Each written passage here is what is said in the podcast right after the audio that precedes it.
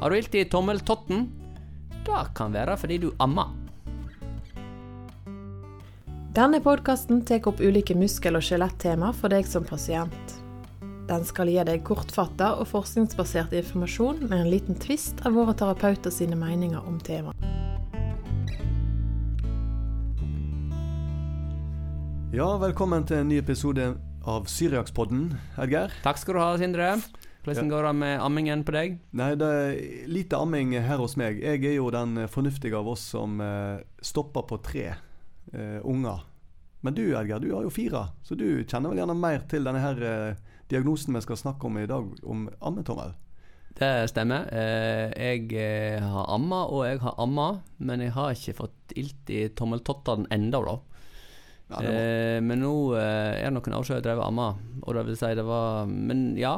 Eh, Men eh, jeg hadde faktisk inne en 80 år gammel mann her som var voldsomt fornøyde, for han hadde fått seg ammetommel. Så det er ikke bare for damer, dette her.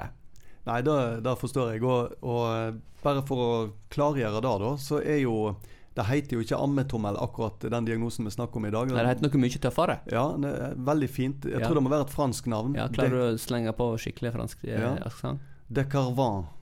Decarva. De Carvan tenosynovit. er vel det fine ordet. Ja, det er kult.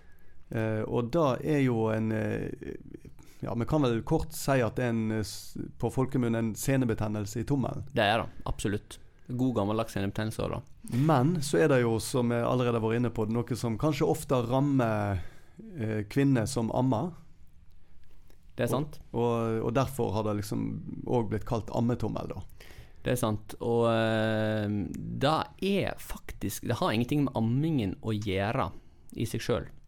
Eh, grunnen til det er at eh, når du holder en babys opp til brystet, så vil du veldig lett støtte hodet til babysen med tommelen din. Og da står tommelen opp i spenn, akkurat som en slags haikebevegelse. Nå er det vel ikke så mange som veit hva haiking er lenger. Men når jeg var liten og trengte å komme fra A til B, så hendte det jeg prøvde meg på haiking. Det fungerte jo like dårlig da som nå. Det, du får jo ikke haik med folk lenger.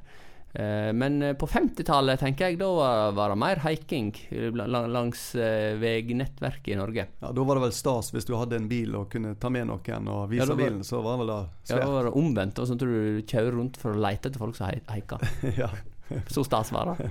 Men i hvert fall så har du, hvis du veit hva haikebevegelsen er for noe, altså at tommelen står rett ut, eh, så eh, er det den eh, bevegelsen som gjør at du får en dekarva-tommel. Ja, og, og det er vel litt i kombinasjon også, det som du sier da med selve ammingen. Men òg når du løfter opp eh, en eh, nyfødt sant, ifra liggende stilling, så vil du ofte holde begge armene eh, med tommelen rett opp mot taket. sant? Mm. Og så strekker du eh, hendene da på en måte inn i armhulen på hver side på babyen og skal løfte han opp. Mm. Og da, eh, da blir det ganske mange sånne løft i løpet av eh, en dag. sant? Mm. Eh, Så kombinert med, med ammingen, så kan en lett på Ja, det er en ny type belastning. Sant? Det er det det er. En ny type kan, eh, bevegelse. Ja. Sånn at uh, du har ikke gjort det på en stund, eller du har kanskje aldri gjort det før. Og Ja. så plutselig gjør du det så mye, Mm. og Og, da blir det overbelastning. og så har det vel òg vært sagt at uh, hormon kan òg spille en del inn i dette her. Ja, det er det noen som mener. Det forklarer likevel ikke hvorfor eh, får ammetommel. Eh, Men det har, tror jeg, igjen med at eh, der er det mye løfting òg, sant. Ja, så selv om det ikke er amming, så får du løftingen. Så både svigermor og, bestemor kan få dette her, eh, rett og slett fordi de blir litt overivrige eh, over den nye poden som er kommet i hus. Ja, jeg tror det, det er noe der, altså. Ja. Det er en ny, ny type belastning. Men det er klart at han 80-åringen som jeg hadde inne, han hadde bare murt litt. Grann det. Så det er mulig å få det på andre måter. Ja. Og jeg, jeg må nesten bare ta med én til. For jeg, eh, her forrige uke så hadde jeg inne en far som òg hadde fått det. På begge tomlene sine. Begge tomlene, ja. Eh, og han var Den ungen var vel en, noen måneder gammel. Og det som var skjedd der, var jo at eh, de bodde da i åttende etasje i ei blokk. Og det var ikke heis. Så han måtte bære opp og ned på den her eh, barnevogna. Eh, og eh, det blir jo noen ganger, gjerne i løpet av en dag da òg. Og, eh, så han hadde klart å få seg en sånn ammetommel, men eh, med Kono gikk det helt fint. Ja, det er flott. Det er godt å høre.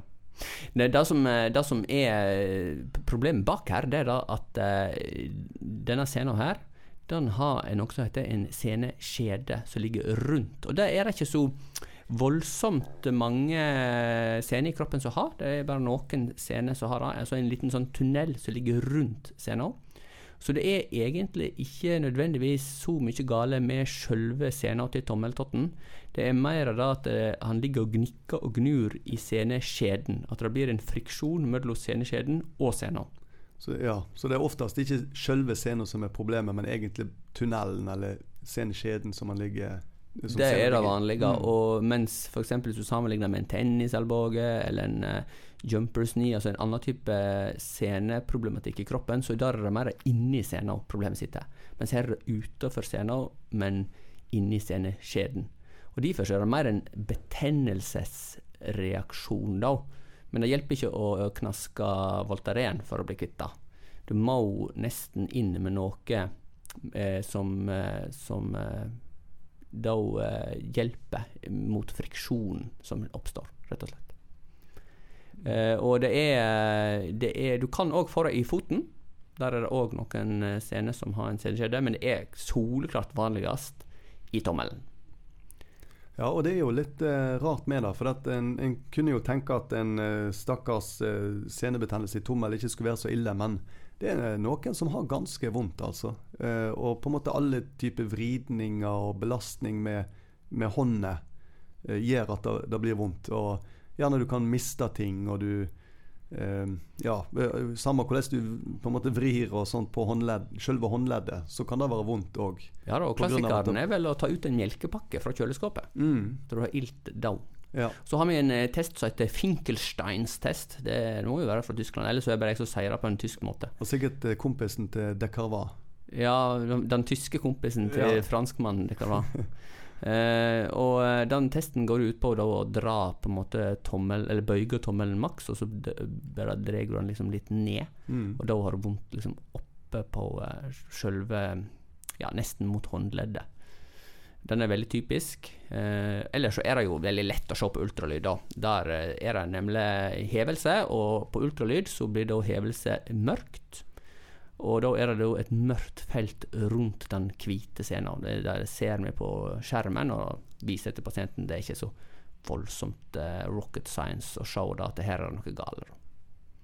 Du kan òg se en liten hevelse på uh, sjølve Nærmest på huden, for det ligger jo rett innenfor huden, dette her. Ganske sånn uh, oppi dagen. Da lurer jeg litt på behandling, min venn.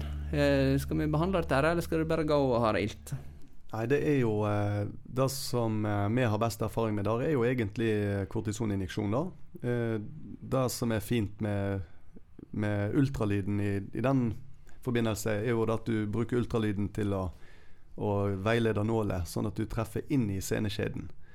Og ikke inn i scenen? Ja, ikke inn i scenen, og heller ikke rundt om i, i, underhuden og sånt i området. Nei, for der ligger det noen blodkar som du egentlig ikke vil uh, være for mye borti. Ja. Du må styre under dem. Ja. Og når du da kommer med nåla inn i sceneskjeden, så kan du jo eh, sette inn kortisonet der, og da fyller det seg fint opp i tunnelen. Og da er det jo som regel én injeksjon. Så er en kommet veldig langt. Det er en som regel. Der skal en være litt forsiktige i forhold til de som eventuelt ammer, i og med at det heter ammetommel. Eh, der eh, da, da eh, vil en kanskje unngå å bruke, i hvert fall ikke for mye kortison, og kanskje en vil unngå å bruke kortison i det hele tatt. Og da går det jo an å, å prøve med saltvann, eller med noe annet som, eh, som en kan sette inn. Altså type hyaluronsyre eller noe sånt. Men de fleste som har fått dette, her har vel amma en stund og er vel i ferd med å gi seg med ammingen. Sånn at de enten kan vente til de er ferdige å amme, eller så kan vi i samråd med legen da allikevel sette, eh, hvis legen mener, fastlegen altså, mener at det er greit. Så det er en, eh, en mulighet. Eh, men da må en være litt obs. Mens han eh, mannen på, som hadde fått eh, unger i åttende etasje, han eh, slapp å tenke på det på. Ja, Han eh, trengte ikke være så bekymra for det. Men igjen, sant? der er det jo òg eh, belastning sant, som har ført til at det har kommet. Eh, så bare tenk på det at en gjerne må prøve å eh, ta roten av problemet òg. Ja, som og, kanskje er at en er for svak. Ja, og, og gjerne òg at en bruker en litt annen teknikk eh, når en da løfter vogna opp og ned sant, mm. mellom etasjene. Det er av og til nok bare da å forandre litt teknikk og måte å gjøre det på. Sant? Og være litt bevisst. Så, så, vil jo mye kunne løsne bare ved det. Mm. Så kan en selvfølgelig alltids prøve litt massasje. En kan massere seg sjøl der som uh, det vonde punktet er. Uh, det kan hjelpe. Men hvis det blir verre, så bør en la det være igjen, da. Mm. Mm. Da var det rett og slett for betent. Ja. Nei, det er en, eh, en interessant eh, problemstilling, men det er en veldig vanlig problemstilling som vi ser masse av. Som en absolutt skal være obs på. Ja, det er jo den eh, scenen i tommelen som oftest pleier å være problemer med. Det er det. Tommelen er jo, hvis en tenker på det, så er det jo halvparten av grepet ditt. Altså når du griper etter noe, så bruker du da de fire andre fingrene på ene sida, og så bruker du tommelen på ene sida. Nå er den scenen her den er jo da en del av de som strekker ut tommelen, som ikke griper. Men likevel så, eh, så har du vondt i den ene delen, så vil det, det på en måte bli smerte i hele tommelen. Du vil nok ha et dårligere grep, selv om det ikke er akkurat den scenen som er med på å gripe bevegelsen. da. Mm. I Hondi så har vi jo eh, mange tunneler Eh, og i tunnelene de har de ulike scenene som går gjennom seg. Og vi har jo snakket litt om det i en episode tidligere her, at eh, muskulaturen er organisert på den måten i underarmen at eh, muskulaturen ligger oppe i, i underarmen, og så er det da festa med, med, en veier som da blir sena ned til fingrene for at du skal kunne bevege dem. Og da er jo er det sånn at du har sju tunneler på den oppsida av håndleddet ditt, og der er dekkarva én av de tunnelene. Så du kan jo i prinsippet få dette her problemet her i de andre tunnelene òg. Men det er mindre vanlig av en eller annen grunn. Eh, jeg vet ikke helt hvorfor da. Har du noen teori på det, Sindre? Nei, jeg er ikke helt sikker, altså. Men jeg tror jo, eh, tror jo som du nevnte her, at eh, tommelen er jo veldig aktiv ved, når du bruker hånda til noe. Og så kan det kanskje ha noe med Eh, kanskje noe med vinkelen òg på, på, den eh, scenen, altså den eh, De Carvois-scenen, eh, om jeg kan kalle det det. Der som jeg får denne tilstanden. Om det, om det har noe med det å gjøre òg. Og for det tenker jeg iallfall litt på sånn som det med ammingen òg, at eh, når du da strekker ut tommelen på den måten, så har du jo Ja, kan du få, eh, få en vinkel òg som i kombinasjon med belastning og gjerne litt sånn eh, mye repetisjoner at det er nok til å trigge smertene. da. Ja da, Du det, trenger på ingen måte å, å, være 35 år og være ammende for fara. Du kan jo nei, være mann 80 eh, og, og ha en fysisk jobb. Som, ja. Eh, men da er du kanskje òg eh, på bristepunktet i mange av de andre tunnelene bortover. Mange av de andre scenene. Mm. Som du, du, belaster rett og slett for hardt. Og Klassikere er kanskje bilmekanikere. Mm. Som, som, skal komme langt inn i hutigheta i en bil mm. eh, der det er dårlig ergonomi. Da.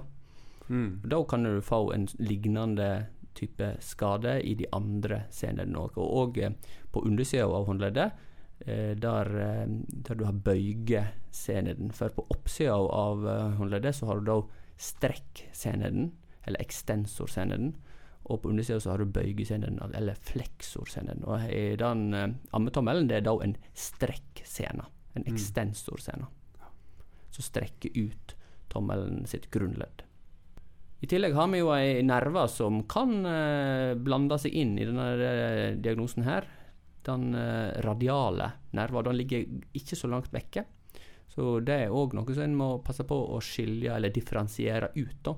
At det ikke er en, det ikke er nerveavklemming i nervus radialis som ligner kanskje litt på en mm. ammetommel.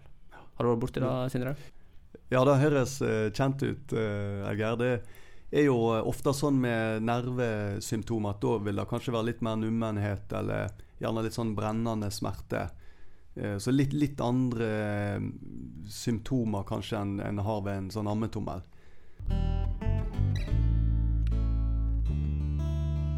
Elger, da eh, oppsummert så eh, tror jeg vi får eh, konkludere med at eh, den eh, s- Teno synovit, som han heter på fint, eller ammetommel, lever jo ofte opp til navnet sitt. Det er ofte eh, kvinner eh, med nyfødte som eh, rammes av denne tilstanden.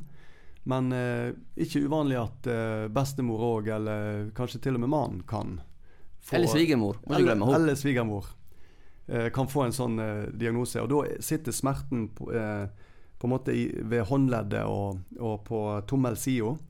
Og ofte veldig vondt med, ved alt som har med grep å gjøre. Men eh, det er som regel eh, god behandling å få for dette her, og som gir varig virkning. Og eh, ja, og som vanlig med seneskader eller senesmerte, så er det jo er det overbelastning som er, er utløsende. og Det handler jo òg litt om å få redusere belastningen, da. Så da, Edgar, Edgeir, sier vi takk for i dag. Takk for i dag, Sindre, og på gjenhør. Takk for at du hørte på Syriakspodden. Håper du har fått svar på noe av det du lurte på. Gi oss gjerne en tilbakemelding på hva du syns, og om du har temaer du kunne ønske at vi tok opp. Edgeir Gunvordal og Sindre Romerheim er begge spesialister i både muskel- og skjelettfysioterapi og diagnostisk ultralyd, og jobber til daglig på Syriaks klinikk i Bergen.